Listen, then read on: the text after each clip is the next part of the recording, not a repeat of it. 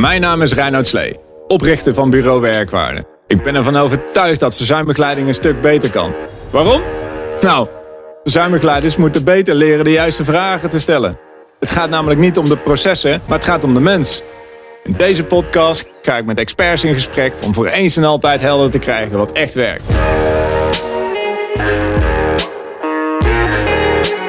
Dit is de Werkwaarde Podcast. Beste luisteraars, welkom bij weer een nieuwe Werkwaarde podcast. Dit keer nummer 11. En uh, met niemand minder dan uh, Marion Nikkels en uh, Herwin Schrijvers. De oprichters van het CS-opleidingen. En natuurlijk ook het case management zoals we dat eigenlijk vandaag de dag kennen. Voordat we in de diepte duiken met de toekomst van het case management Misschien wel leuk voor de luisteraars dat jullie zelf heel eventjes voorstellen. Kan bijna niet meer voorstellen dat uh, de luisteraar jullie niet meer kennen. Maar voor het kleine geval uh, dat dat toch het geval is, uh, Mariel, zou jij de spits willen afbijten? Jazeker. Ik ben dus Mariel Nikkel, specialist sociale wetgeving. Ik volg nu al ja, echt. Sinds 1990 de sociale zekerheid. Sinds Ruud Lubbers zei Nederland is ziek, heb ik eigenlijk alles gelezen en ik vind het een waanzinnig vakgebied. Ik ben oorspronkelijk begonnen bij verzekeraars, twee verzekeraars. Daar heb ik ook Herwin leren kennen. En vervolgens zijn we eigenlijk verschillende bedrijven gestart, waaronder andere dus ook CS-opleidingen. Ja, sinds 1995 volgens mij, hè? Nee, 2009 is CS-opleidingen gestart. Maar ons eerste bedrijf wat we samen hebben gestart stond eigenlijk in de stijgers in 1997. Officiële start was 98, maar dat was nog omdat ik zelf even met ziekte te maken heb gehad. Dus in dat opzicht ben ik ook ervaringsdeskundige. Hartstikke goed dat je er bent. Uh, dankjewel. Herwin? Ja, Reinoud, dankjewel. Ik ben uh, Herwin Schrijver. Um, nou, Marjol die uh, gaf het al aan. Ergens in de jaren negentig had ik de leukste baan uh, ter wereld bij Ora. Uh, aantoonbaar twee goede ideeën. Dat was mijn, mijn opdracht, maakte die uit waar. Op de golfbaan, skiën, wherever, als het maar goede ideeën waren. Nou, toen hadden we uiteindelijk hadden we een, idee dat er een professional moest komen. Omdat er een wereld aan het ontstaan was tussen verzekeraars, werkgevers en arbodiensten. Ehm, ja, en die spreken ieder hun eigen taal, hebben ieder hun eigen belang. Uh, daaromheen zat een, eh, een, een, toen relatief nog eenvoudig wettelijk kader. Uh, maar toch al, uh, desalniettemin, toch al zo ingewikkeld dat we zoiets hadden. We moeten daar mensen hebben die van alle werelden wat afweten. En die als een soort van tolkvertaler de, de processen kunnen gaan begeleiden. Nou, daar zijn we toen mee gestart. En dat is uh, uiteindelijk uh, is dat doorontwikkeld en in 2009 is toen uh, eh, CS gekomen. Um, en inmiddels zijn er, ik weet niet, 5.000, 6.000 actieve case managers en ja, nog veel meer opgeleid. Dus ja, achteraf, achteraf is gebleken dat er inderdaad dat er een behoefte was. Ja. Dat is wel indrukwekkende cijfers. 5000 zei Ja, op dit moment, nou ja, aan de ene kant lijkt dat heel indrukwekkend. Aan de andere kant uh, uh, noem je daar, met dat cijfer noem je ook maar zo het tekort in de markt. Als we gaan kijken naar wat er allemaal uh, moet gaan gebeuren. de, ja, zeg maar de doorontwikkeling van het vakgebied. Ehm, ja, dan, dan is een verdubbeling is, is echt ja, eerder nodig en wenselijk dan overbodig. Ja, ja duidelijk.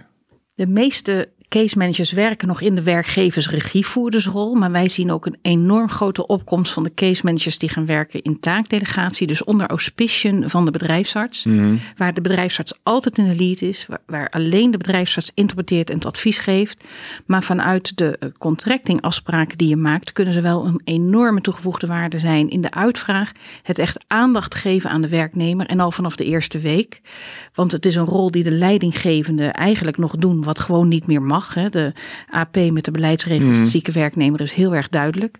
Dus wij verwachten een enorm uh, grote opkomst nog van een ander type case manager, maar die wel dezelfde sociaalrechtelijke kennis heeft en alle arbeidsrechtelijke kennis. En dat gaat natuurlijk ook veel fijner communiceren, want het juist op die, uh, ik noem het gewoon even de sociale wetgevingskennis, kan de case manager ook ongelooflijk van toegevoegde waarde zijn voor de bedrijfsarts zelf. Ja. En we verwachten daar ook nog een enorme grote behoefte. Ja, want we kennen op dit moment verschillende soorten case managers. Hè? Is misschien goed voor de luisteraars om ze heel even allemaal te benoemen. Want we hebben de case manager werkgever of de werk, uh, werkgeversregisseur. Ja, in de werkgever-regievoerdersrol hebben we de meeste mensen opgeleid. Hè? De bekende regie op mhm. verzuimopleiding is echt een begrip wel geworden in de markt. En eigenlijk kun je ook het vakgebied niet doen als je dat niet beheerst. We hebben vervolgens ook heel veel andere specialisaties gemaakt. Er zijn specialisaties, bijvoorbeeld de ziektewet, regie op ziektewetten. Voor de flexgroep case manager is echt heel anders. Mhm. De wetgeving van de ziektewet moet je heel goed kennen, maar vooral ook beseffen dat er een werkgeversband eigenlijk verbroken is. De werkgever is nog vrijwillig eigen risicodrager, maar er ligt niet meer het arbeidscontract nog lopend aan vast. Mhm. En je krijgt dus een andere afstand met de mensen. Je stuurt dat ook anders aan. Dat wordt veel strakker aangestuurd gestuurd. Waarbij de vrijblijvendheid er veel meer van af is gehaald. Dus er zijn mhm. echt wel andere Ehm, de basis is hetzelfde, maar toch is de aanpak heel anders. En dat zie je ook bij het via case management. Je hebt ook echt case managers die helemaal zich op de via hebben gespecialiseerd. En die eigenlijk als de 104 weken ziekte erop zitten en de werkgever is 10 jaar verantwoordelijk. Die eigenlijk die hele reïntegratiebegeleiding binnen die 10 jaar doen. Waarbij uh, van oudsher heel erg gefocust werd van moeten de 80, 100 WGA'ers omzetten naar de IVA, want dan kost het de werkgever geen geld meer. Nu heb je een slag, die slag blijft gedaan worden, maar je hebt nu ook een slag dat je eigenlijk kijkt welke mogelijkheden hebben de mensen nog en hoe gaan we ze binnen die mogelijkheden aan het uh, werk krijgen.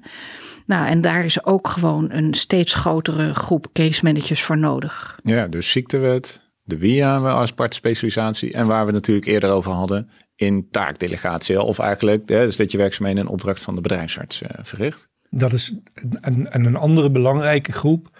Um, dat is het risk management sociale zekerheid. Dat zijn mensen die niet zozeer uh, uh, zeg maar betrokken zijn direct bij, bij de uitvoering, dus bij het operationele deel van het vakgebied, maar die meer adviseren, ja, het woord zegt, waar de risico's zitten, voor werkgeversgezondheid, miljoen. Voor de werkgevers, uh, ook voor werknemers. Dat stukje wordt, dat is te veel onderbelicht. Uh, werknemers lopen namelijk ook enorme risico's. Er wordt heel veel schijnzekerheid verkocht in cao's en noem maar op. Drie keer een scheepsrecht, dan krijgen we lente. Mooi weer. Ik wil het ja. en um, nou, dus dat risk management, sociale zekerheid, uh, is, is uh, ook een belangrijke tak van sport.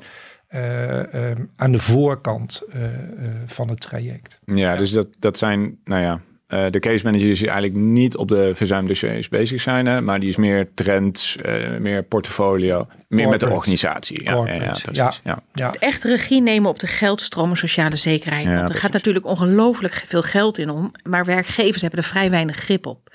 En de riskmanager sociale zekerheid, die proberen echt grip daarop te krijgen. En dat betekent dus ook hmm. gewoon beleidsmatig de boel eigenlijk herinrichten. Ja, ja mijn favoriete rol eigenlijk, als ik eerlijk ben. Ja. Wat misschien voor de luisteraars ook wel leuk is om te weten, is dat ik ook lesgeef. Mag lesgeven bij jullie. Hartstikke leuk. Voor uh, de regie op, uh, op verzuim. En de cursus. En af en toe mag invallen voor de arbeidskundige opleiding. Ja. Super, uh, super leuk om te doen. En ehm, wat ik me nu een beetje afvroeg, hè, want jullie zijn eigenlijk de marktleiders, nou, grondleggers. Wat, wat verwachten jullie nou? Hoe, dat, hoe, dit, hoe het vakgebied van case management in, in de komende jaren zich zal ontwikkelen? Ehm, ja, je hebt verwachting, je hebt hoop, uh, je hebt ideeën. Kijk, wat op dit moment heel leuk is om te zien. toen we hier naartoe reden, hadden we ook een kort telefoongesprekje. Ehm, je ziet op dit moment, zie je, um, en dat is niet, dat is niet voor niets, zie je veel belangstelling, buitenlandse belangstelling voor Nederlandse arbeidsbedrijven. Um, de laatste overnames, dat waren ook Zweden en Noorden. En dat zijn geen kleine overnames. Um, dat komt aan de ene kant komt dat door corona. Um, en dan niet zozeer uh, door alle ziektebeelden. Uh, uh, en dat is een belangrijk aspect van gaat het vakgebied mee in wat er nu in Arboland aan het gebeuren is. Namelijk heel erg klachtcentraal denken, handelen, uh, uh, opereren? Of gaat het case management juist de andere kant op? eh, eh, de mogelijkheden, het ondersteunen van de mogelijkheden en veel meer richting werknemer. Ehm, de buitenlandse modellen, ja, die zijn anders ingericht. Uh, omdat de wetgeving daar anders is, omdat je daar die scheiding tussen risico sociaal en risico professioneel hebt. Mm omdat de, de, dienstverlening totaal anders in, is ingericht. Hè. De verantwoordelijkheid voor de werknemer is in het buitenland veel groter dan in Nederland. In Nederland is de werknemer mega beschermd. Ehm, ehm, en dan zie je dus dat ze eigenlijk aan het kijken zijn van ja, in Nederland doet dat er niet toe. Dus dat betekent dat wij een andersoortige dienstverlening hebben. Die dienstverlening die begint eigenlijk steeds beter en voor hun ook interessanter te worden. Dus dat is, dat is ja, stap één.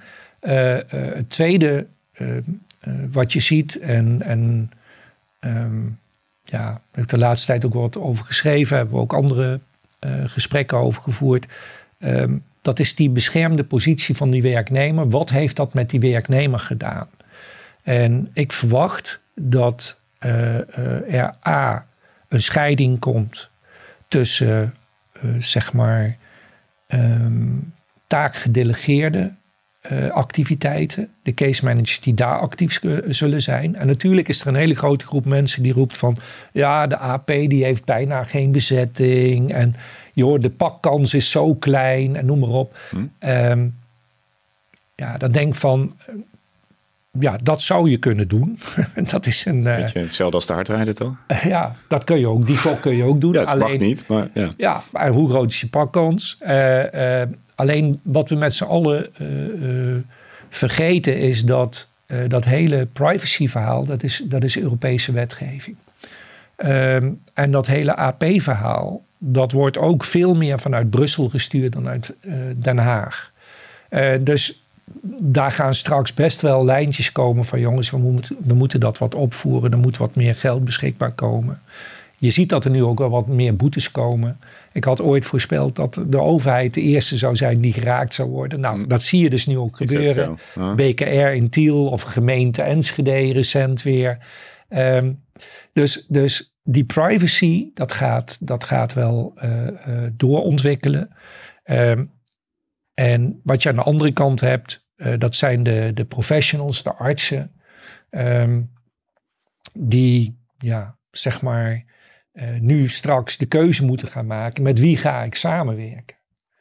dat ze niet alles zelf kunnen doen, terwijl ze wel zelf voor alles verantwoordelijkheid zijn, uh, verantwoordelijk zijn. Dus die zal ik nog een keertje zeggen voor de luisteraars. Uh, ze kunnen niet alles zelf. Uh, de meeste artsen hebben minder kennis van sociale zekerheid, van wetgeving, van arbeidsrechten. Kijk ook even naar Majol. maar ook hoe het UWV zijn werk doet, noem allemaal maar op. Want dat hebben ze niet in hun opleiding gehad. ze zijn er wel verantwoordelijk voor. Dus als het daar fout gaat, Mhm. Ja, dan is dat hun probleem, want zij zijn eindverantwoordelijk voor dat hele begeleidingstraject. Nou, en dat is wat je uh, ziet gebeuren. Je ziet dus nu eigenlijk dat er heel veel organisaties zijn, een NVAB, uh, uh, een OVAL, noem maar op. En die zijn nu allemaal bezig om protocollen te schrijven. En dat is heel interessant. Want het leuke is, die scheidsrechter is niet de NVAB. En ook niet de OVAL. En ook niet de RSC. Die scheidsrechter is de AP. Die bepaalt, ja, kan dit wel of kan dit niet? Ja. Dus, dus wat je in, in Majol die gaf het al aan, hè, de leidinggevende uh, is de case manager, want dat hebben we zo afgesproken. Ja, dat kunnen we afspreken. Wij kunnen nu ook afspreken dat Majol en ik dadelijk met 160 naar huis mogen rijden. Kunnen we beter niet doen. Nee, nou ja, goed. Wat ligt aan wat de pakkans is. Maar als je gepakt wordt, dan gaat het ook echt fout. Ja, dus, dan gaat het dus, dus dat, zijn, dat zijn ontwikkelingen. Hè, dat van ja, nee, maar wij gaan eigen protocollen schrijven. En net zoals uh, dat je bij de overheid ziet gebeuren op het gebied van verzuim. En uh, je bent zelf wel eens actief aan, uh, zeg maar, bij de in de publieke sector. Mm daar zie je dingen gebeuren. Ja, ja, maar de wet geldt dat ook voor ons. Ja, dat geldt ook voor jullie. Ook voor de overheid geldt die wet. Ja. En daar zul je dus een toenemende ja, doorontwikkeling in gaan zien binnen het vakgebied. Heb je enig idee hoe dat waar dat vandaan komt, zeg maar. Die behoefte van mensen om uh, echt die medische casus te, ke te kennen. Um, ja. Marjol en ik hadden het er gisteren over. Hè. Wat, Marjol, wat, wat zeiden we gisteren? Wat is voor een hulpverlener van belang? Een hulpverlener wil graag behandelen. Ja. Dus vanuit het behandelen Hmm. wil een hulpverlener dus ook graag weten wat er aan de hand is. Ja.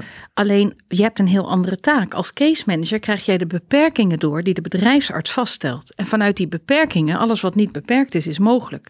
Dus al jarenlang trainen wij alle case managers. Die mogelijkheden staan centraal. Wij sturen op het werk, op de mogelijkheden. En het maakt eigenlijk niet uit wat iemand heeft. Wij moeten niet zelf willen behandelen. Alleen heel veel gaan in die behandelingsrol. En dat is echt een duidelijke scheiding, wat ik altijd echt als groot pleidooi hou. Houd je aan je rol. Weet wat jouw kaders zijn, wat jouw verantwoordelijkheden zijn. En ga niet behandelen als jij een case management rol hebt. Nee. Nou, en dit is wel iets, heel vaak zie je ze gewoon toch die behoefte om naar zelf die behandelingsslag te gaan. En ja, de, eh, behandelaar te willen zijn. En dat is ook vanuit een sociaal hart. Dat is op zich niet verkeerd. Maar eigenlijk kun je case management heel zakelijk aanvliegen. Nou, ehm, ja, de, twee punten daarin. Hè. Ehm, al, allereerst, hè, eh, zelfs in de opleiding, dan merkte ik dat voor sommige mensen het best wel uitdagend is om daaruit te stappen. Zeg maar. Die willen graag die verbinding met die medewerker maken en dat is ook goed. Hè, dus dat daar een vertrouwensrelatie ontstaat. Je moet immers begeleiden ook en je spreekt iemand vaak, dus dat dat contact prettig is, is alleen maar goed. Ja. Maar dat, dat, dat moet een soort basis hebben en dat het eigenlijk voor heel veel mensen eigenlijk nou, logischerwijs betekent dat je moet weten wat er met iemand aan de hand is. En dat is eigenlijk altijd in de knel hè, met de AVG. Wat ik eigenlijk aangeef, luister aandachtig, maar schrijf niets op. En natuurlijk, als iemand even wil vertellen wat er aan de hand is, Ja. dan mag hij dat gewoon doen. En eh, dan is het ook heel erg raar om dan te zeggen van, eh, dat mag en wil ik allemaal niet weten. Nee, luister, maar maak heel snel die vertaalslag, dat dat het deel is wat echt bij de bedrijfsarts hoort te liggen. Ja. Want de laatste tien jaar is het spanningsveld tussen bedrijfsarts en case managers toegenomen. En dat hebben vooral de case managers gedaan, die dachten zelf doktertje te kunnen gaan spelen of zelf inschattingen te kunnen maken. Nee, dat is natuurlijk niet de bedoeling. Dit is ook het strijdpunt altijd geweest waarom eigenlijk het register eh, specialistisch case management is ontstaan. Want destijds, ik weet niet of jullie dat weten, maar ik heb me met hart en ziel ook altijd ingezet voor de RNVC. Maar ik heb altijd gewaarschuwd, treed op tegen al die case managers die zelf doktertje spelen. Dit mag je niet tolereren. Nou, en uiteindelijk was dat een groot spanningsveld. Toen hebben we op een gegeven moment de ontwikkeling gezien dat er eigenlijk een nieuwe soort case manager zou komen. De, de case manager in taakdelegatie, die onder geen beding zelf mag interpreteren. Die onder zelf, geen beding zelf mag adviseren. Maar wel een heel belangrijke rol heeft in de uitvragen en de coördineren, de communicatie en de interventies. Dus ze kunnen van grote toegevoegde waarde zijn. Maar toen zeiden we, dit is een heel andere rol als dat je in de werkgeversregierol zit.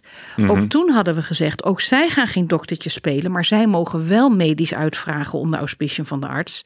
Maar ze mogen er verder niets mee.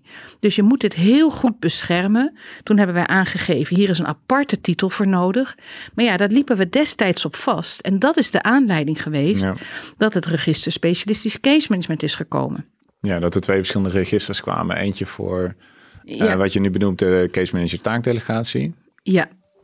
Ja, en wat Herwin heeft ooit de RNVC zelf opgezet, eh, naar de notaris en statuut en alles. En toen heeft, ja, Herwin heeft eigenlijk gezegd, ja goed, als, als we nu vastlopen, dan gaan we het toch weer opnieuw doen. Maar iedereen die denkt dat het van CS is, maar dat is absoluut niet waar.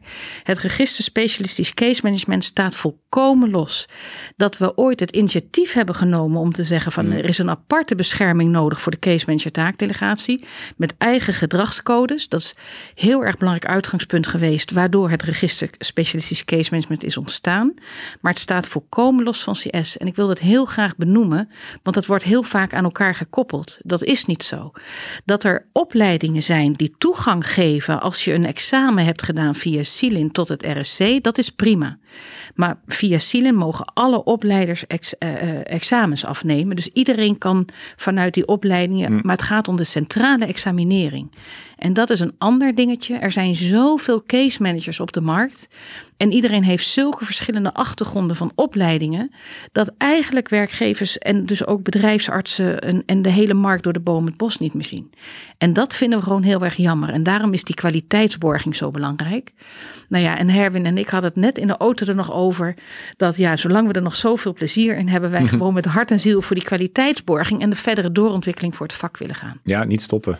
Nee, we gaan niet stoppen. er is echt nog genoeg werk te doen. Hè? Ik wil hem heel eventjes terugpakken voor de luisteraars. Wat betreft die rollenscheiding. Dus als ik het heel eventjes zou willen platslaan, dan zou ik, zou ik zeggen: case manager, taakdelegatie. In opdracht van de bedrijfsarts stelt hij de werknemer een aantal vragen. Die schrijft in de woorden van de werknemer, schrijft hij dat gespreksverslag. Nou ja, maakt hij zijn aantekeningen en die legt dat bij de bedrijfsarts terug. En die interpreteert dat. En die, nou, dat is in principe het werk van een case manager taakdelegatie. Ook. Ook. Ja, Dan mag je hem zo direct aanvullen. Ja. Dan maak ik eerst even die andere rol Ja. duidelijk. ja, En dan heb je de case manager werkgeversregie, de case manager Ja. werkgever. En die maakt met de werknemer afspraken over de werkervatting, over de reintegratie. Dus eh, wanneer ga je weer werken? Moet ik een laptop voor je regelen? En wil je vakantiedagen? Ehm, eh, welke, wat, welke afspraken maak je met je collega's? Eh, thuiswerken heb je een in- inlogaccount nodig. Maar ook bijvoorbeeld, hey, er is misschien loonbeslag, daar moeten we iets mee doen. Echt de werkgeversaangelegenheden. En werk, eh, werken met gegevens die de werkgever wettelijk gezien mag hebben. Exact. klopt. Precies, ja. Vanuit de werkgeverskant doe je niets medisch. Je legt het niet vast. Dat de werknemer erover wil praten is gewoon een aandachtig luisterend oor. En dat is wel het spanningsveld. Werknemers vertellen eigenlijk alles. Mhm. En, en dan zeggen wij altijd werknemer. De AP zegt niet voor niets. Er is een machtsverhouding tussen werkgever en werknemer. Het kan soms ook verstandig zijn om niet alles te vertellen. Maar er is Ja. wel belangrijk dat het in een veilige omgeving, dat een werknemer wel alles kan vertellen. Maar dan moet je dat wederom bij de juiste rol neerleggen, dat het dus ook veilig kan. Ik ben maar acht jaar werknemer geweest. Dat is niet al te lang. Maar ik heb daar best verschillende managers gehad. En ik, heb ik zou niet al mijn managers vertrouwd hebben om te vertellen wat er allemaal was. Nee. Toen ik echt heel ernstig ziek was, heb ik het uiteraard direct gedeeld. En dan is er ook aan alle kanten begrip. En dan zeg ik ook altijd tegen de studenten: alsjeblieft, stuur die grote kaart. Toen ik in het ziekenhuis lag, ik kreeg zo'n grote kaart met een lachende hond van al mijn collega's die wat bemoedigends had op had geschreven. Ik mocht een week niet ja. praten en dan mag je ja, voorstellen, ik een week niet praten. Maar, maar serieus, dan lacht die hond je de hele dag tegemoet. Dat is geweldig. Laten we alsjeblieft zorgen dat dat blijft kunnen. Maar er zijn zoveel zaken waar je gewoon toch als werknemer wel over na moet denken. Wat deel je wel en wat deel je niet? De AP, ik begrijp het AP als ze zeggen er is een machtsverhouding. Eh, dat je als werknemer daarvoor een stukje beschermd moet worden. Ja. Toch is het belangrijk dat de werknemer alles vertelt. Maar wij geloven dan meer eh, dat het ook echt in een veilige omgeving kan. In een omgeving dat je zegt van er gaat niets naar je werkgever toe zonder dat wij dat met elkaar hebben besproken. Maar wat speelt er allemaal? Want heel veel verzuim heeft in oorsprong best misschien wel heel. Ja, het, het, het, het kan eh, discriminatie, werkgerelateerd zijn, eh, pesten op de werkvloer, intimidatie, manipulatie. Mensen kunnen er wakker van liggen, angst voor, het, voor de baan. Maar nu ook gewoon, we hebben het steeds over dat thuiswerken en corona. Maar ja, we hadden het er gisteren nog over. Als de kinderen thuis rondrennen en je moet alles Ja. aan de keukentafel doen. En ondertussen loop je productiviteit terug. Is dat niet zo heel erg vreemd. Maar je wordt er wel op afgerekend. Ja, nou ja, eh, weet je dat je die graadmeter van productiviteit gebruikt om met elkaar in gesprek te gaan, een dialoog te openen, dat is natuurlijk prima. Ik bedoel, je- ja, weet je, het maakt niet uit waar die eerste indicator vandaan komt, denk ik maar. Op het moment dat je dat gewoon eh, collegiaal goed kan doen. Het gevaar, denk ik, op het moment is dus dat je, als je echt die medische casuïstiek nodig hebt hè, om die beeldvorming te hebben, dat je ook gewoon niet toekomt aan de informatie die je eigenlijk als werkgever echt wil hebben. Hè? De, maar heb je die medische indicaties nodig? Als je Nee. naar de preventiekant kijkt, eh, dan gaat het erom. Preventie is eigenlijk ontdekken wie, wie, wie je verwacht eigenlijk die, die, die uit gaan vallen. Daar wil je eigenlijk je dienstverlening op zetten. Je wilt niet met hagel schieten, je wilt heel gericht Ja. inzetten. ja? Soms is het duidelijk zichtbaar als iemand heel duidelijk overgewicht heeft. Maar er is ook heel veel niet zichtbaar. Maar je kunt van alles, de werkdrukmetingen en allemaal dat soort onderzoek is allemaal duidelijk. Maar op het moment dat er een loonbeslag binnenkwam, ik hoorde jou Ja, net zeggen, de loonbeslag, die komt bij de salarisadministrateur binnen. Dan adviseren wij, laat de salarisadministrateur direct de interventie preventiepartij, een soort bewindvoerder, een hulpverlener, Ja, die, die daarmee een budgetcoach, die daarbij kan helpen. Ja. Dat is een stukje preventie, die je, maar die kun je beleidsmatig inregelen, juist om te zorgen dat er voor- verzuim komt. Mhm. Maar we hadden het net eigenlijk nog over de extra taak voor de case met Ja. taakdelegatie. Want Ja, daar heb je een aanvulling op, Erwin. Ja, ehm, ehm, nou, ik vind wel leuk die, die stukjes die jullie nu zeggen. Ehm, ik zie namelijk een andere professional straks ook in taakdelegatie eh, komen te werken. Eh, en dat is eh, ehm, eh, de HR-professional. Eh, er worden hier een aantal dingen genoemd in het kader van preventie, in het kader Mhm. van noemen, die, die alles, maar dan ook alles met privacy te maken hebben. Eh, dus ehm, ehm, we gaan daar, wanneer is de zomermarkt? 29 juni. 29 juni gaan we daar ook eh, eh, aandacht aan besteden aan eh, de HR-professional die bepaalde activiteiten, zeg maar, ook zelf in de veiligheid van taakdelegatie moet kunnen doen. Dus dit is even een, een, een, een, een twist van de mindset. Ja, Dus- ja, ik, ik- dus, dus niet alleen die werknemer heeft die veiligheid nodig. Maar eh, er zijn, als je naar het complex verzuim gaat kijken, Mhm. eh, dan is degene die aan de organisatorische kant bezig is, en dat, dat is heel vaak dus HR, heeft eigenlijk eenzelfde neutrale, veilige werkomgeving nodig. eh, om dingen vrij te kunnen bespreken, dingen vrij te kunnen zeggen en dingen vrij aan te kunnen kaarten. Oh, Wauw. Ehm, dus daar zit het ook. En dan ga je in de, in de wisselwerking komen met de case manager Mhm. en die HR-professional. Ehm, waar je dan ook op uitkomt, is dat, dat je intake van het verzuim eh, niet meer klachtgedreven moet zijn, maar oorzaakgedreven. Wat is de oorzaak voor de klacht? Dat vereist een, een, een, een, hele andere uitvraag, een hele andere eh, aanpak. En dat, noem, dat noemen we ook de, de, de Marjon en ik, tenminste in de ontwikkeling nu, de inkleuring van het verzuim. Eh, dus stel, jij bent de werkgever. Hoe wil jij dat er, dat er want het, is, het zijn jouw mensen, het is jouw geld, het is jouw organisatie, het zijn jouw processen. eh, eh, ehm, hoe wil jij dat er met jouw mensen wordt omgegaan? Hè? Wat is de, de boventoon van, van het hele proces? Dus dat betekent dat die werkgever minder afhankelijk moet worden van de producten van de arbodienst. Weet je, Ja. eh, ja, Groot voorstander. Ja, ja, helemaal waar. Maar dat is wat er gebeurt. Hè. Ik koop een productje. Ja, weet je, dit zijn de appels die je koopt. Ja, of je ze nou lekker vindt of niet, eh, opeten die dingen. Weet je, terwijl Ja. eh, eh, het gaat om zoveel meer dan, dan alleen het afkopen van je probleem.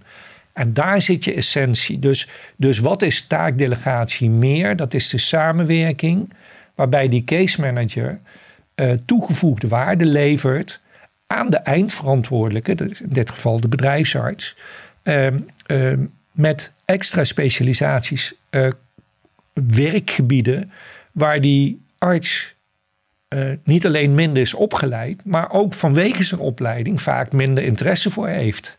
Weet je, eh, er zijn niet, ja, niet heel veel bedrijfsartsen die zeggen van nou, van het weekend heb ik even zo lekker, heb ik even sociale wetgeving zitten studeren. En eh, weet je, die, Nee. dat is niet hun aandachtsgebied, Nee. maar, maar eh, ehm, het is wel essentieel voor het werk. Nou, als we dat combineren met 70% van het verzuim, wat niet medisch is op dag 1, hè, een andere oorzaak heeft dan de klacht, dan kom je bij van oké, wie gaat nu, wie gaat nu de intake doen? Gaat dat de behandelaar doen?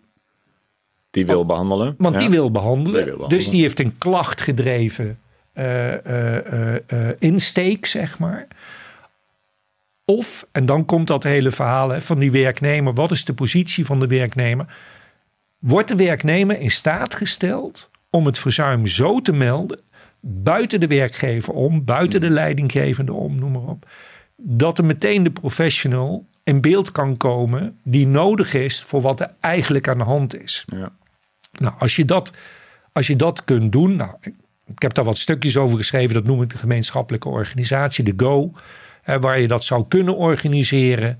Uh, hoe dat allemaal moet en noem maar op. Uh, nou, dan kijk naar Marjol, kom naar de zomermarkt. Ehm, maar waar, zeg maar wat, wat, wat, wat die essentie is, is dat daar heel veel HR-werk ligt. Ja. Um, In het verzuim, ja. En, en dat HR-werk, dat valt net zo onder die privacy. Ja. Maar die, die HR-professional, die moet ook leveren. Dan gaat het erom, aan wie levert die? Levert die aan de werkgever? Of levert die aan, en dan, aan de bedrijfsarts mhm. in het kader van dat verzuim? Nou, dan verwacht ik dat een van de uh, ontwikkelingen in de toekomst zal zijn, is niet zozeer dat die case manager op de, op de stoel gaat zitten van HR, maar dat HR meer richting uh, uh, die bedrijfsarts uh, zal gaan. Mhm. Ik noem dat die safe haven. Als antwoord op het eigen regiemodel, waarbij de leidinggevende 26 petten op heeft. Uh, en waarbij er echt, uh, ja, met name in de, in de publieke sector, ja, gigantische ongelukken aan het gebeuren zijn, as we speak. Mm in, in ja, tot op de dag van vandaag hoor. Terwijl we al heel lang deze beleidsregels kennen, is er eigenlijk in de praktijk niet veel veranderd. Ik ben bang dat ik dat heel erg herken. Nou ja, de, Ik, ik schrijf er in mijn blogs ook over dat er zorginstellingen zijn uh, waarbij uh, verplegend personeel echt de corona ingestuurd is. vervolgens gaat het fout. die verpleegster krijgt ook corona. De, de gevolgen zijn, ja, ze is er nog steeds, heeft ze er echt serieus last van.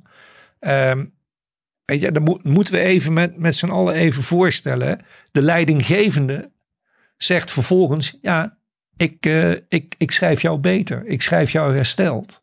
Weet je, ik denk van ja, dit is, dit, is, hmm. dit is te bizar voor woorden.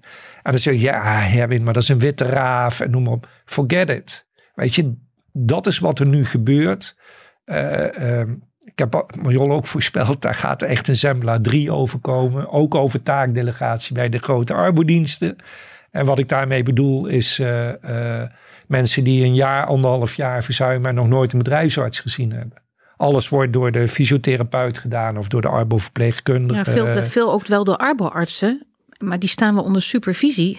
Alleen die arbo-artsen die hebben niet um, de bedrijfsgeneeskundige opleiding gedaan zoals de echte bedrijfsarts die gedaan heeft. Mm en je moet op een gegeven moment een inzetbaarheidsprofiel opstellen. Nou, daar komt echt wel wat bij kijken. Waar je, je hebt niet voor niets een vier jaar bedrijfsgeneeskundige opleiding. Waarbij je vier dagen werkt en één dag naar school gaat. Ja, en dat is toch een groot gemis. Dat je um, op een gegeven moment met een hele grote groep in de markt werkt die eigenlijk niet in staat zijn een inzetbaarheidsprofiel op te stellen. Maar dat inzetbaarheidsprofiel, dat weet jij als arbeidsdeskundige ook als geen ander, die heb je zo nodig om weer de rest van de route uit te stippelen. En we hebben dus echt, ja, echt nodig dat er ook aan de, uh, de, de professionele, ik noem het gewoon even de, de, de opgeleide bedrijfsartsen, Um, dat die ook echt de ruimte krijgen om het werk te doen waar zij in gespecialiseerd en opgeleid zijn. En dat taken die anderen kunnen doen, door anderen gedaan worden. Ja. Waarbij iedereen respecteert en weet dat zij eindverantwoordelijkheid blijven. Dus ze moeten aan de kaders die de bedrijfsartsen geeft, moeten ze zich houden. Ja. Eh, wil ik toch ook wel even een eh, kritische kanttekening opmaken. Want we hebben het hier natuurlijk over taakdelegatie versus taakherschikking. Ehm, op het moment dat we kijken naar de private sector en kijken naar de arbeidsongeschiktheidsverzekeringen, zien we bijvoorbeeld dat de arbeidsdeskundige in combinatie met, nou, met de arts dan, hè, dus noemen ze daar medisch adviseur, dat de arbeidsdeskundige daar een veel grotere rol heeft. En dat die werkzaamheden dus niet gedelegeerd zijn, maar gewoon dat er een andere, die werkzaamheden op een andere manier verdeeld zijn. Dus dat het niet alles valt onder die eindverantwoordelijkheid van de medisch adviseur, maar dat de claimbeoordelaar en de arbeidsdeskundige een heel veel verantwoordelijkheid dragen. Is de claimbeoordelaar bedrijfsgeneeskundig opgeleid? Nee. Hoe, hoe kunnen ze dan de claimbeoordeling doen? Daar zijn ze van, uh, die laten zich dan informeren door de arbeidsdeskundige en de verzekeringsarts. Uh, het medisch adviseur, excuus. Ja, ik vind het een wonderlijk model. Ik, ik, ik kan hier. Heb je dan de juiste rollen? Laat je de mensen doen waar zij goed in zijn? Nou, maar je hebt nu over UWV met name. Nee, nee, ik had het nu Je heel even het over, over de priva- arbeidsdiensten, eh, toch? De priva nee, de private verzekeraars. Dus ik ben eh, zelf eh, ben ik, eh, zelfstandige en ik heb een arbeidsongeschiktheidsverzekering. En op het moment dat ik me ziek meld, dan gaat dat net wat anders dan wanneer bij werknemers. Dat klopt. Alleen wat je, het punt is, dan, je doet daar geen uitspraken in het publieke domein. Dus ik denk dat dat een belangrijk, Mhm. een belangrijk verschil is. Eh, ehm, en eigenlijk, het leuke is, wat je nu schetst, komt eigenlijk overeen met de brief van Koolmees aan de Tweede Kamer in april van dit jaar met de sociaal-medische teams. Eh, dus eh, de verbazing die Majol heeft, en die had ik toen ik die brief las, Mhm. Namelijk, eh, beste werkgevers, er gaan dus nu niet artsen, weliswaar onder, onder, onder toezicht van, van de verzekeringsarts, gaan die allerlei beoordelingen doen. En dat is wat je nu ook schetst. Ehm, eh, weet je, het, het, het punt daarbij, ehm, en dat is het grote verschil, kijk, die verzekeraar die keert wel of niet uit. En eh, bij het UWV is er sprake van een gedekte rekening. Hè? Dus de, de werkgever die, die gaat dat hoe dan ook betalen. Ehm, ja, ik weet niet. Ik denk dat dit alles zo ver bij de gemiddelde werkgever wegstaat. Ja, ja. Dat, dat dit gaan ze niet eens herkennen. Weet je, daar zijn ze niet mee bezig. Bij de grote clubs is dit geen eh, issue. Ehm, ehm, en dat is wat, wat mij dan ja, wel zorgen baart, is dat er in zo'nzelfde document staat dat ze verwachten dat tot 2027, 25, 27 eh, de instroom met 20 tot 25 procent zal toenemen. Ja, de instroom in de via, vanwege de vergrijzing. En, en dat ze zeggen van ja, ja, en we hebben geen keuringscapaciteit. En nergens in het hele document, ja, dus het enige waar het over gaat is, hoe krijgen we die mensen arbeidsongeschikt gekeurd? het, het, met geen regel wordt er geschreven over, eh, gaan we dadelijk een stijging krijgen van 25%? Is dat, is dat acceptabel? Wat gaan we daaraan doen? Wat, wat, wat betekent dat? Weet je, dan, dan vertaal ik het even heel makkelijk. Dat is eh, ehm, ehm, eh, een kwart ja, van, nou, het is, het is veel meer, maar doe een kwart van 20 miljard. Weet je, het praat je zo over lastenverzwaring van, van 5 miljard per jaar. Ja. Nou, dat is met, met wat je nu allemaal aan corona voor je kiezer gehad hebt, is dat een, eh, ja, dat kan er nog wel bij voor de werkgevers. Weet je, dat, dat dat soort dingen geen enkel issue zijn, ehm, ja, dat, dat vind ik echt heftig. Eh, eh, ehm, en nogmaals, die 5 miljard is dan te weinig. Daar gaat het niet eens over. Het gaat erover van, ja, hoe kunnen we ervoor zorgen dat we alles op tijd gekeurd krijgen? En waarom krijgen ze het niet op tijd gekeurd? Ehm, nou, niet omdat, we, niet omdat we zoveel meer mensen hebben in, eh, in het arbeidsproces. Je kan als CBS kun je zeggen van ja, weet je, we maken de beroep, beroepsbevolking rekken we op. eh, niet van 15 tot 75, maar van 10 tot 80 of zo. Nou, dan hebben we weer een miljoen mensen erbij. Kijk eens wat een beroepsbevolking dat we hebben. Mhm. Ehm, eh, want dat is het op momenten, hè, 15 tot 75. Eh, dus dan ga je kijken, alle initiatieven te spijt noem maar op. Ga nou eens kijken in de cohort 60, eh, eh, eh, 65. Hoeveel procent van de mensen dan nog daadwerkelijk werkt? En hoeveel procent van de mensen in de leeftijd 60, 65 weliswaar tot de beroepsbevolking gerekend wordt, maar op de een of andere manier in een uitkeringssituatie zit? Ehm, dan schrik je hoor, als je die, als je die cijfers ziet. Eh, dat betekent dat, wat Marjol al aangaf, met, je hebt aan de ene kant heb je te maken met die vergrijzing, aan de andere kant heb je te maken met tegenwoordig twee jaar verzuim. Dus, dus het werk stapelt zich als het ware door de kalenderjaren heen op.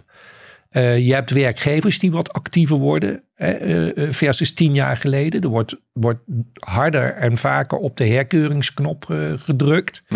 Eh, dus die bewustwording, die is wat, die is wat groter. Ehm, ja, en Als we dat niet zouden doen, dan zou het nog duurder worden.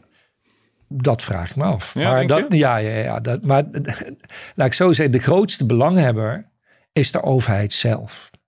Eh, en, en we hadden het straks over hulpverlening en noem maar op.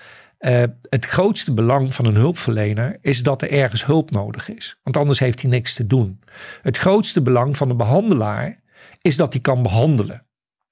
dus hier zit ook een stukje het antwoord uh, van waar gaan we op zitten? Gaan we op de klacht zitten? Want dan kunnen we behandelen. Dan kunnen we hulp verlenen of noem maar op. Mm. Of gaan we naar de oorzaken kijken?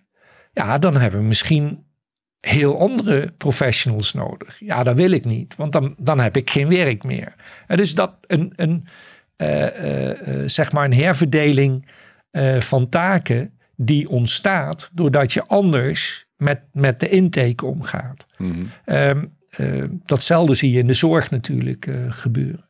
Nou, als je naar de overheid teruggaat, um, die zullen zo hard mogelijk blijven drukken samen met uh, uh, de andere tussen politieke belanghebbers op zoveel mogelijk mensen uh, in een loondienstverband. Want dat levert het meeste op. Mm. Dan je werkgeverslasten krijg je binnen. Dus als iedereen ZZP'er wordt, ja, dan, dan is dat fiscaal, is dat niet allemaal even aantrekkelijk. Nou, dat is één ding. Het tweede is, waar je niemand over hoort, um, is dat er komt een brief aan de Kamer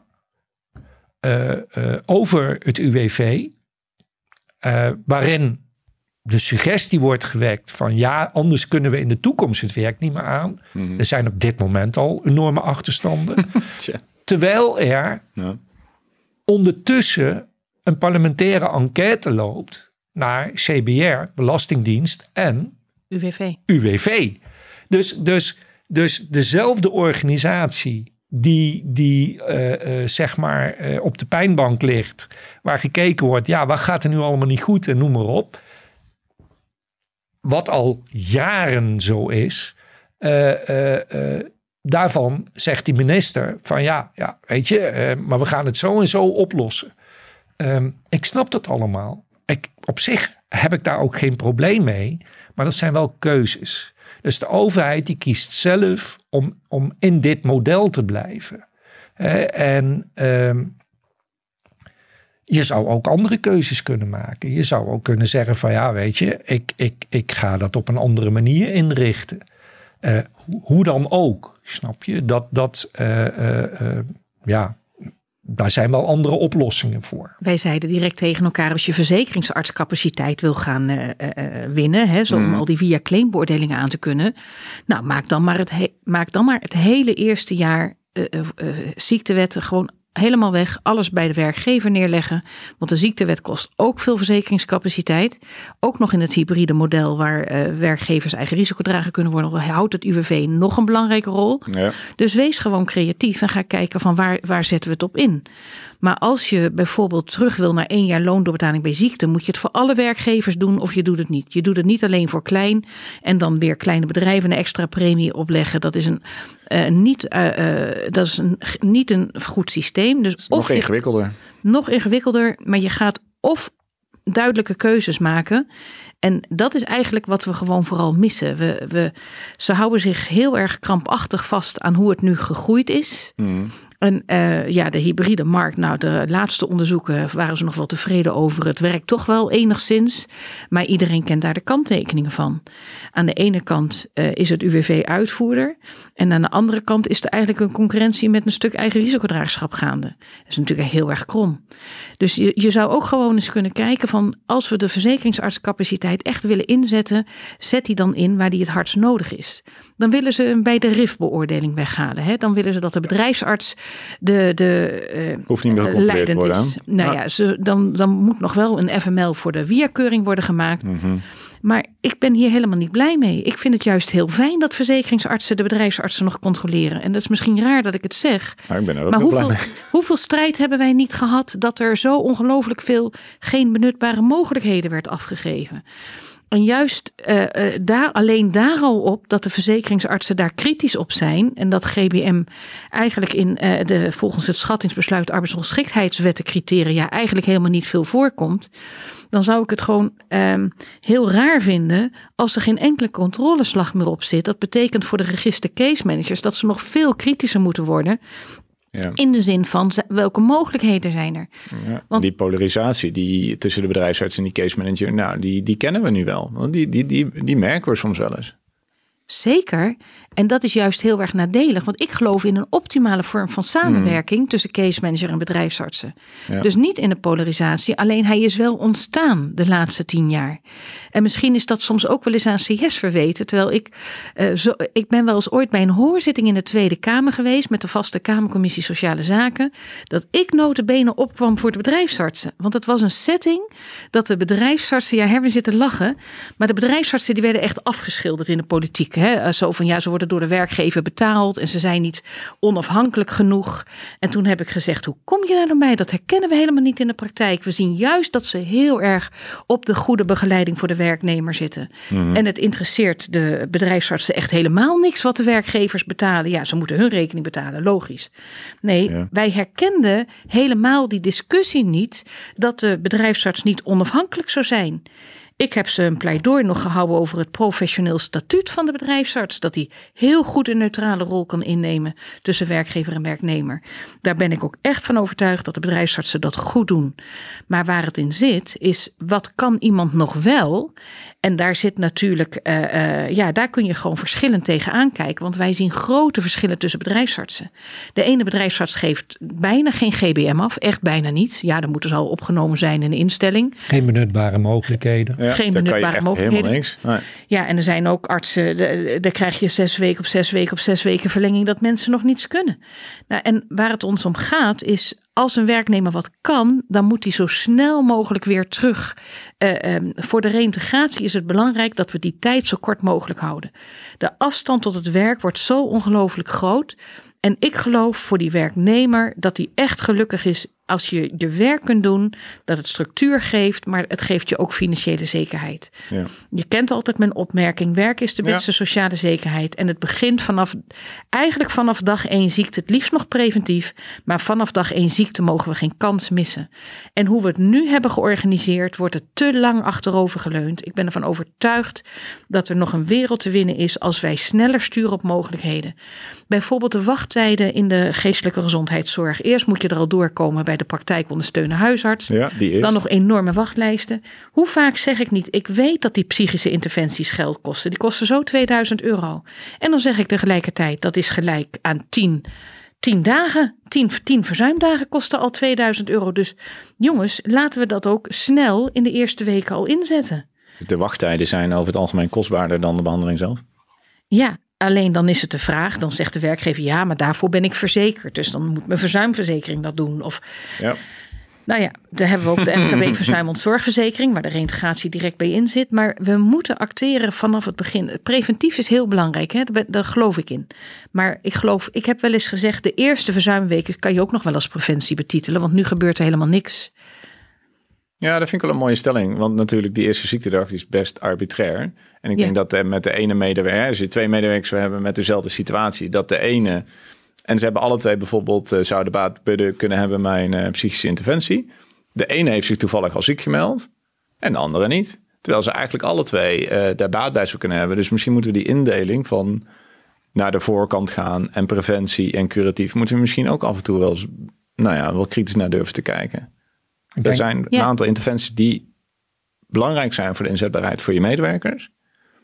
En die moet je aanbieden aan diegenen die daar baat bij hebben. En of ze zich nou op dat moment hebben ziek gemeld of nog niet. Ja, Nee, lekker belangrijk. Ik, nou ja, ik denk dat dat, eh, eh, ehm, dat, dat een hele belangrijke is. Dus eh, ehm, ik noem containerpreventie. Hè? Dus ik, ik, ik, ik gooi een initiatief over een hele organisatie heen. En vervolgens ga ik heel hard eh, energie kapot slaan om te proberen bewijzen dat dat voor bepaalde mensen ook succesvol was. Of ehm, je gaat preventie ga je meer als, als maatwerkproduct leveren. Waarbij de toevoeging op het verhaal van Marjol, en dat kwam in onze vorige podcast ook naar voren, is dat nu alles gericht is op de functie. Terugkeren naar je functie, eh, eh, begeleiding naar je functie. Dus alles is functiegericht. En ehm, ehm, ja, waar ik hoop ik. eh, ik heb zelf afgelopen twee jaar drie hartoperaties gehad. Dus over arbeidsongeschiktheid en werken en passie voor je werk. dan kan ik een aardig boek schrijven. Dus ik hoop de komende jaren ehm, een bijdrage te leveren aan de ontmanteling van het functiedenken, uh, zeg maar binnen de reïntegratie. Omdat ik er echt van overtuigd ben dat ehm, een van de, de modebegrippen burn-out veel meer te maken heeft met keuzes en het gevangen zitten binnen je functie. Dus met mm. andere woorden, mensen die ziek worden van hun werk, ja.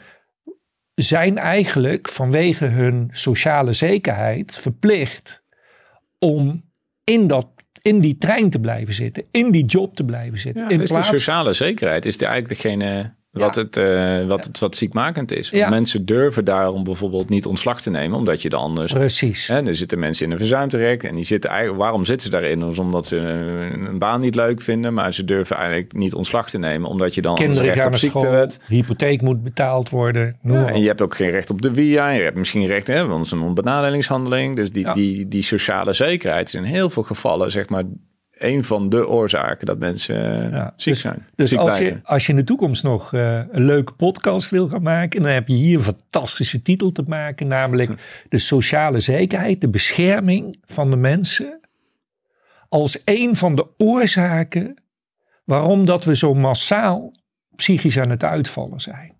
Omdat we daardoor heel veel mensen uh, uh, een soort van keuze verlamd worden.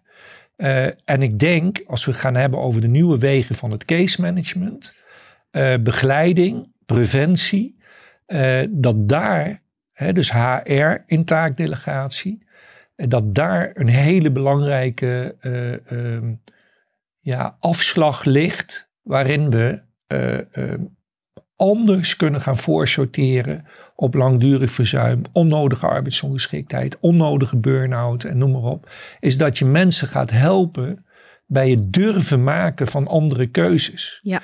En uh, dat betekent een herverdeling van de kosten. Waarom ga ik twee jaar loon kapot gooien om af te gaan zitten wachten of, of dat hij wel of niet arbeidsongeschikt wordt?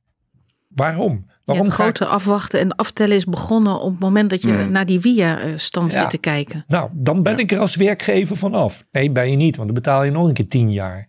Weet je, dat, in dat voortraject op dag één, en liefst op dag min één, uh, uh, kun je ook zeggen, ja, ik ga hele andere gesprekken voeren. Alleen, dan staat de gezondheid centraal en de toekomst van de werknemer. Hmm. En niet de functie.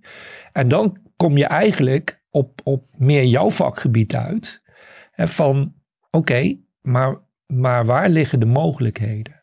Ja. En het, het leuke is, tussen haakjes leuke, is als we nu naar mogelijkheden kijken, binnen de wettelijke kaders, binnen de uitvoering, binnen de beoordelingen door UWV hmm. en noem maar op, uh, als arbeidsdeskundige, uh, uh, dan worden de mogelijkheden altijd gerelateerd aan de functie. Ja, absoluut. Dat, sterker nog, we mogen niet anders. Het zit gewoon in de gedragscode. Ja. Dus, uh, en het leuke, alles van vinden. En het, en het leuke is, maar wat nu als jij jouw specifieke competenties vanuit jouw ervaring kunt gaan inzetten om te gaan kijken. Weet je, ik ben zo, ik ben zo arbeidsongeschikt als morgen de hele dag lang. En zo arbeidsgehandicapt ook. Uh, uh, maar hoe mooi is het als jij toch dan op onderzoek kunt gaan met iemand van, maar wat vindt hij leuk? Waar wordt hij blij van? Waar krijgt hij energie van? Wat hmm. zou hij nog kunnen gaan doen? En, dat, en dan is niet die functie centraal op één. Nee, hmm. dan is Herwin centraal op één. Ja. Wat kan Herwin nog? Wat kun jij als professional, waar kun jij Herwin nog toe brengen? Ja, want de kern hè, van het arbeidskundig onderzoek of de kern eigenlijk van de arbeidskundige komt goed tot uiting, denk ik, in de knelpuntanalyse die we maken. Dus dan maken we een matrix en dan zetten we aan de ene kant wat de bedrijfsarts heeft opgeschreven voor beperkingen. En aan de andere kant welke taken die doet. En dan zeggen we, ja oké, dus uh, je moet vaak bukken, tillen of je moet uh, goed met deadlines kunnen omgaan. Nou, ja. Dus hier beperkingen, kunnen we dat uh, omzeilen? Kunnen we dat compenseren? Nee, ja, oké dan. Het is maar dan stel je eigenlijk een heel radicaal ander idee voor. Is dat we dus niet gaan matchen op basis van beperkingen ten opzichte van taken, maar dat we gaan matchen op basis van beperkingen versus competenties. Ja, en dat is de uitdaging. Ik heb als- ook nog een uitdaging, merk ik, om het goed te snappen. Dus kan je me misschien nog een keer uitleggen? Oké, jij gaat. Nou, ik, ik, ik, ik zal het proberen om vanuit mezelf. eh, eh, ehm, ik- sinds mijn operaties en, en al mijn stents heb ik een heel klein batterijtje. Dus ik heb in verhouding tot vroeger misschien 20, 25 procent energie. Mhm. Eh, mijn hoofd wil dezelfde prestatie leveren als vroeger. Ja. Dat kan niet, want dan lig ik om half elf 's ochtends lig ik alweer in bed. Dan ben ik gesloopt. Dus dat betekent dat je heel zorgvuldig om moet gaan met wat doe ik wel en wat doe ik niet. Waar Hm. word ik blij van en, en waar word ik niet blij van? Wat geeft me energie en wat kost me energie? In mijn geval is dat, is dat een noodzaak geworden. Dus het kan niet anders, dus dan moet je wel. Bij de meeste mensen die uitvallen, en dat, hè, nu krijg je dus hele complexe uitval door thuiswerksituaties, gezinssituaties, alles gaat door elkaar lopen. Ehm, kunnen we denken, ja, dadelijk is corona over, dan houdt dat op. Dat denk ik niet.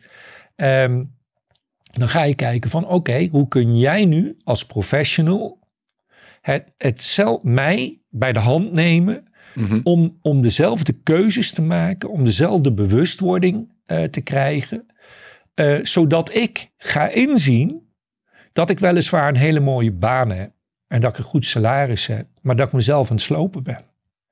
En dat ik vanzelf eh, straks een keer in de verdediging moet en dan heb ik mijn burn-out te pakken, want dan trek ik het allemaal niet meer. Mhm. Het gaat erom welke keuzes maak ik. Ja. En dat maken van die keuzes, dat is, dat is super eng. Want mijn hele zekerheid, mijn hele Ja. sociale zekerheid, financiële zekerheid, gezin en weet ik allemaal wat, daar ga ik toch, daar ga ik toch zeker echt niet Ego ook. ook, ook bijvoorbeeld. nou, en dat jij jouw vaardigheden, jouw competenties, Mhm. eh, eh, eh, samen met andere mensen in een team eh, zo kunt gaan vertalen. En dan komt ook die hele nieuwe dynamiek voor HR komt daar in beeld. Ja. En die case manager die daarvoor geleerd heeft, die gaan zeggen tegen die werkgever: kijk, we kunnen nou twee jaar met hem gaan sukkelen. Dat kost je 100.000 euro.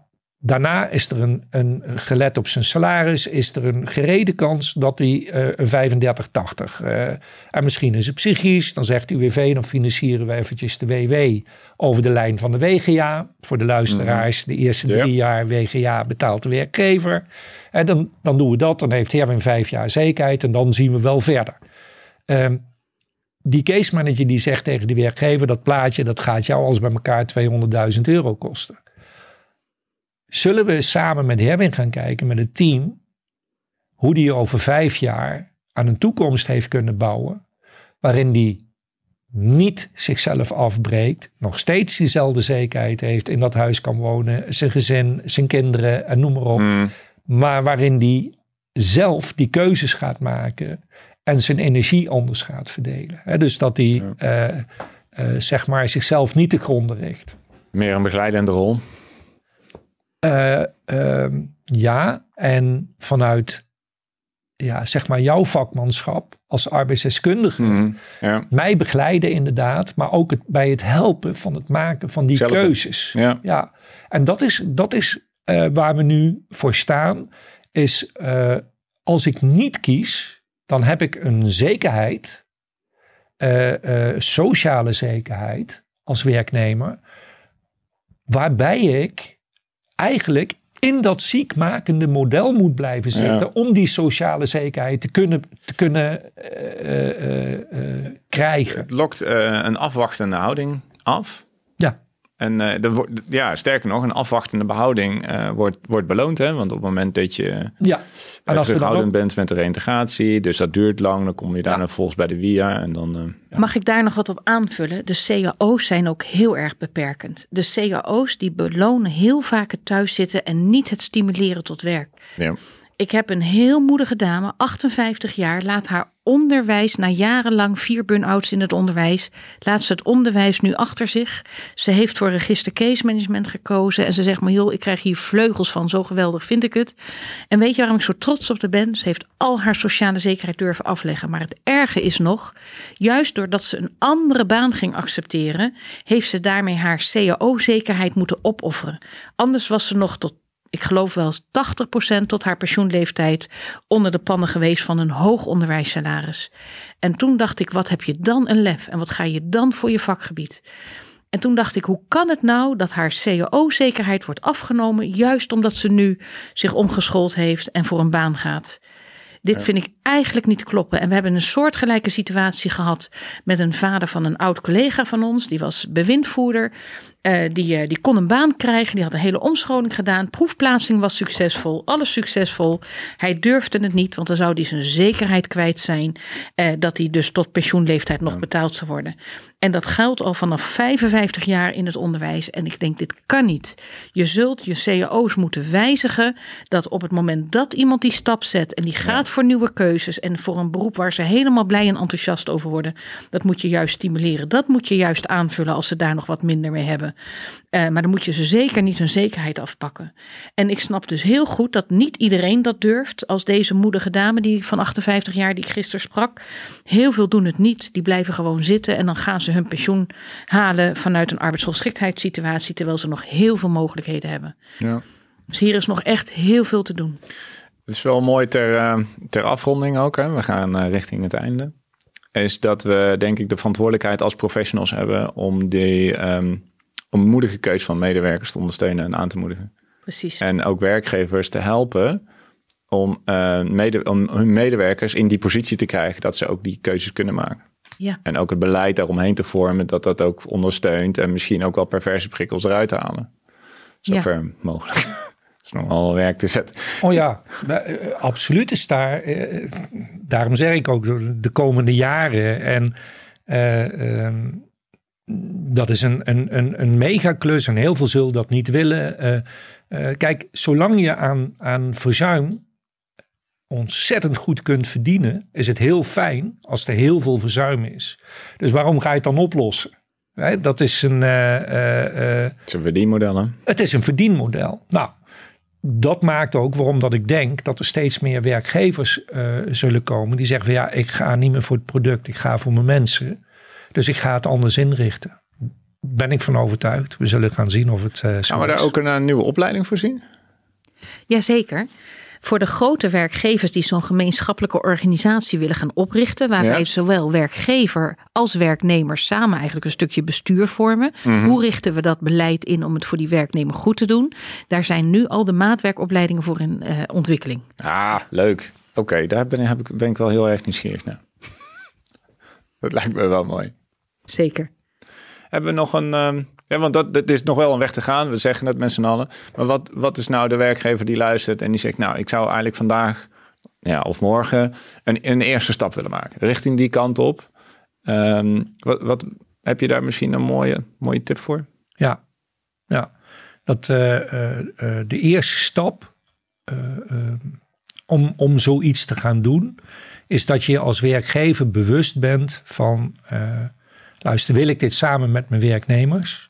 Gaan we hier samen afspraken over maken? Uh, en kan ik er partijen bij vinden uh, die dat uiteindelijk in mijn opdracht gaan doen? Um, dus niet alleen voor die werkgevers, maar ook voor alle professionals die luisteren. Mm, ja. van, van ja, ga jij als professional wil jij gaan kijken en een bijdrage gaan leveren uh, meer op competenties, zoals je dat net ook aangaf. Hè? Dus meer op wat mensen kunnen, waar ze blij van worden.